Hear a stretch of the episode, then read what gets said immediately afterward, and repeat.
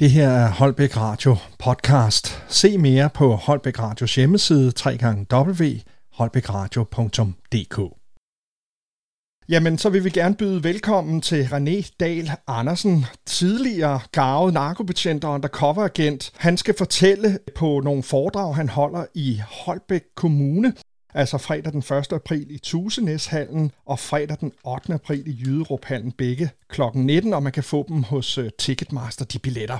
Hej, velkommen René. Tusind tak. Tak for, at I vil have mig. Jamen selvfølgelig.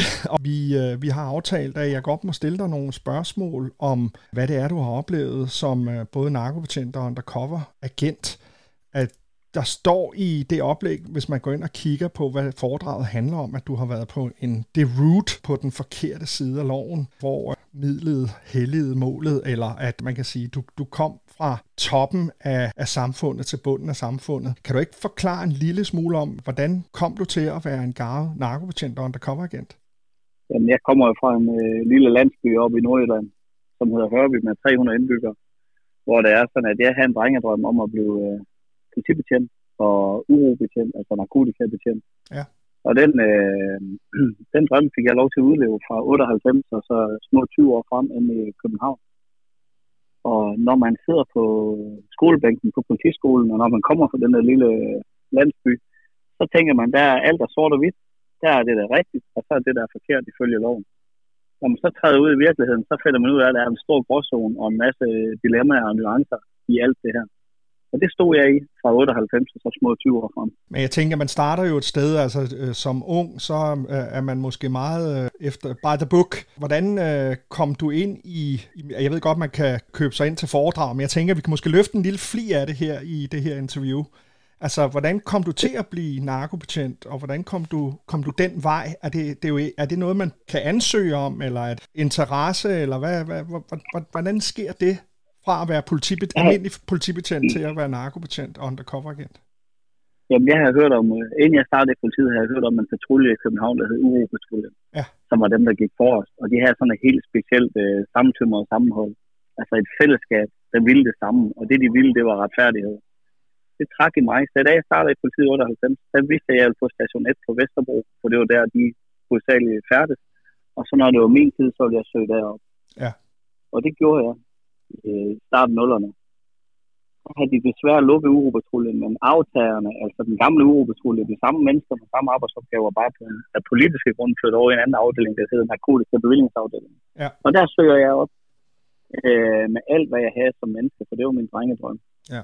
Og så er det sådan, at man tænker, så er det jo ledelsen, der beslutter, hvem der skal op i sådan en afdeling. Og der var over 100 ansøgere til de der to øh, stillinger det var så bare ikke ledelsen, der valgte, hvem der skulle op. Det var de gamle i den afdeling, der valgte, hvem de ville arbejde sammen med. Okay. Så og det... det skaber jo sådan en helt speciel uh, sammentømret enhed, at uh, man vælger jo dem, man kan genkende sig selv i oftest, ikke? Og det gjorde man og vi også i den afdeling. Så det vil sige, at du uh, skulle vise de her gamle gutter, at du var det rigtige materiale til, til narkoafdelingen? Det er rigtigt. Ja. Det handler om, øh, ikke om, hvem man sagde, man var, og hvorfor noget tøj og sko, man havde fået. Det handler om, hvem man var som menneske og som kollega. Og der handler det om at vise en interesse for det fag, og de mennesker, man færdes i blandt. Og når jeg siger det her helt specielle sammentømrede fællesskab, så var det jo ikke øh, det, som præsten kaldte uropatruljen, jeg mødte. Altså statsautoriserede voldspsykopater. Jeg mødte de mest dedikerede mænd, jeg har mødt i hele mit liv. Ja. Jeg vil gøre en forskel for de mennesker, de mødte ude i samfundet. Og der så var brug for at tage fat, jamen, så blev der taget fat. Var der brug for kærlighed, så blev der altså givet kærlighed. Så det vil sige, at man kan skrive mange ting ned i en lovtekst, men øh, det handler om at være en speciel støbning, når man laver sådan et stykke arbejde, for der er også noget socialt i det. Det er så godt set det her, fordi det handler jo om at turde tage sig selv med ind i sådan et job. Og når man tager sig selv med ind i, uanset hvad job man har, så efterlader man sig også sig selv i det, vi kalder på gaden. Et stykke af sig selv. Og så begynder man at komme derud, hvor det er, som man siger, kommer man, bliver man så forandret af det, man laver. Og det gjorde jeg. Det tror jeg, alle blev i det miljø, hvor man var i frontlinjen. Ja. Øhm, og så begyndte jeg at operere i en gråzone og i en masse dilemmaer, som jeg skulle tage stilling til, hver at jeg var ellefører. Det ja. betyder, at jeg havde en masse venner og kriminelle, der gav mig oplysning om, hvad der foregik i den kriminelle underverden. Ja. Og så hen ad, ad år, så, så kom du på den forkerte side af loven? Ja, Ja, det kan man godt sige, at øh, efter nogle år i den der øh, narkotikapatrulje på gadeplan, så min største styrke, det var at skabe relationer. Både til kollegaer, men også til øh, folk i den kriminelle verden. Det vil sige, at jeg fik mange meddelere. Og det opdager man ud i PET, at jeg havde den evne, og så blev jeg øh, opfordret øh, til at, at gennemgå nogle test, for at se, om jeg kunne blive undercover igen. Og det handler jo om at skabe en relation til nogle kriminelle. Og de test bestod jeg. Og så røg jeg til FBI i USA, startede nullerne og fik en uddannelse derovre. Ja. Fordi at øh, jeg, jeg kunne begå mig i det kriminelle miljø øh, som en anden.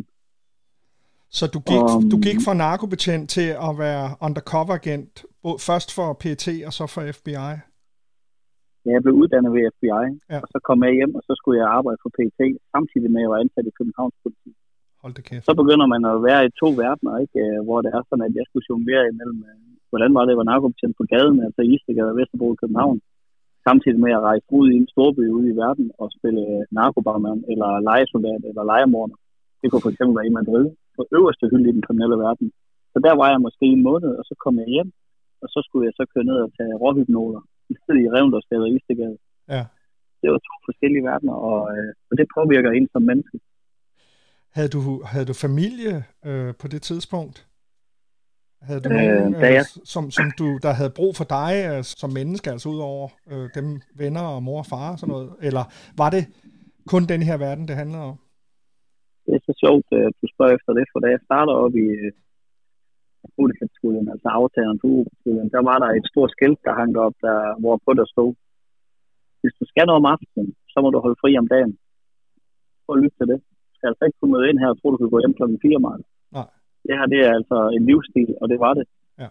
Så øh, jeg havde en kæreste, jeg havde kendt i hovedet år, dengang jeg startede op i den patrulje, og det gik kun et år. Så var jeg gift med patruljen. Og, øhm, det var så min familie, indtil jeg på et tidspunkt fandt en ny kæreste, øh, efter jeg var færdig med at arbejde som undercover agent. Og det er uanset hvor barsk man er, så har man brug for en platform og en form for tryghed i sit liv. Ikke? Det er klart. Må jeg spørge om en ting til, og, og tak fordi du deler ud. Øh, jeg har skrevet her... tak skal du have, René. Mission til Irak som legesoldat. Hvor kommer det ind hen i det her forløb? Det kommer ind hen efter, jeg lige er gået fra min daværende kæreste igennem de der otte år. Ja. Så var jeg start 30'erne. Så vidste jeg, at det var den næste kæreste, det var måske hende, jeg skulle etablere mig sammen med. Og så kom den her mulighed om at komme derned, ikke som legesoldat, som er det der, som det, der hedder private contractor. Mm. Og så var vi dernede i knap fem måneder og kørte øh, væbnede eskorter på den amerikanske her med mærkskontainer med øh, irakiske eksoldater fra den republi- republikanske garde. Og det fik jeg faktisk ledelsens øh, accept til fra Københavns politi. Og så spørger jeg selv, om jeg kunne få det på skrift. det kunne jeg ikke, så der arbejder det i en gråzone. Ikke? Så de ville gerne have, at jeg fik den erfaring med videre, så jeg kunne bruge den historie i mit job som undercover igen. Ja. Det er sådan en del af min historie. Det er, der er jo ikke noget, der der vidt her i livet. Og det er ikke sådan, at fordi man har et politiskilt, at man altid er et bedre menneske end ham, der har et, et rygmærke på ryggen, hvor der står en eller rockergruppering på. Vi er alle sammen mennesker og kommer et sted fra. Ja. Så det du siger er, at det påvirkede dig stærkt, øh, alle de ting, du har oplevet, og det, det er klart. Men, men altså... Ja, hvad... det gør det. Det gør det. Det jo påvirker mig i sådan en grad, og så sidder jeg jo ved siden af. Og det ender med, at jeg får seks måneders ubetinget fængsel i Københavns byret. Og da jeg så får det, der mister jeg min identitet og hele mit liv, og det jeg lige har kaldt min familie. Ja. Så skulle jeg lige, øh, lige ned og suge lidt grundvand i et par år. Og så vælger jeg at skrive den bog, der hedder Hærdet. Ja. Og den skrev jeg ikke, fordi jeg skulle ud og holde foredrag, eller fordi jeg skulle tjene nogle penge. Den skrev jeg for at finde ud af, hvad var der gik galt, og hvordan rejste jeg mig igen. Jeg rejste mig igen ved at komme med min fortælling, som man har mulighed for at høre i de her foredrag, og ved at læse i bogen. Og det er ved at turde stå ved sin øh, livsrejse og ved sin nederlag i livet. Jeg synes det er flot, øh, og, og, og jeg må sige, jeg havde jo en holdning, da vi startede vores samtale her, der havde vi jo ikke talt sammen før, men jeg, jeg, jeg kan mærke, øh, at det er meget autentisk. Jeg har helt ondt i maven, René. Hvor er du i dag? Er du okay? Jeg, har, jeg savner fællesskabet. Ja. Og gutterne og kvinderne i politiet. Ja. Men jeg er et virkelig godt sted. Jeg har et, øh, et roligt og et godt liv med et øh, godt og veletableret job og, og venner og familie omkring mig. Så jeg er et bedre sted, end jeg var de sidste 3-4 år i politiet, for der var tingene jo begyndt at gå skævt for mig. Ja. Det kan man ikke se, når man er i det, men det kan man se, når man kommer på den anden side af det, og især når man sætter ord på, som dem, der kommer til Tuse eller Jyderup har mulighed for, eller hvis man læser bog. Ja. Det var det, der var hele meningen med det. Og jeg, jeg tør godt at sige, at øh, det blev årets biografi på Mofibo, den bog der, i ja. 2021. Og det er altså ikke fordi, at øh, jeg er helt speciel øh, til at skrive en historie, men det er fordi, den er hudløs ærlig. Og jeg tror på, når man har haft sådan en deut, for at bruge de ord, som jeg har haft, ja. så kommer man ikke med at være ærlig omkring det. Jeg må sige, at øh, det, øh, jeg glæder mig til at se foredraget. Øh, jeg, jeg, er, øh, det, altså jeg ved ikke, hvad jeg skal sige. Det er virkelig øh, tough stuff, du har været igennem, men, men det lyder som om, at, at det også er en slags øh, terapi for dig at, at lave de her foredrag, og bogen har selvfølgelig måske også været med til at at man kan sætte tingene på plads op i sit hoved. I hvert fald tusind tak, for, for, for, fordi du vil dele det, og, og jeg ved ikke, om du vil sige noget til, til lytterne, og så kan jeg lige fortælle, hvornår det er, at uh, du kommer en tur til Holbæk-området.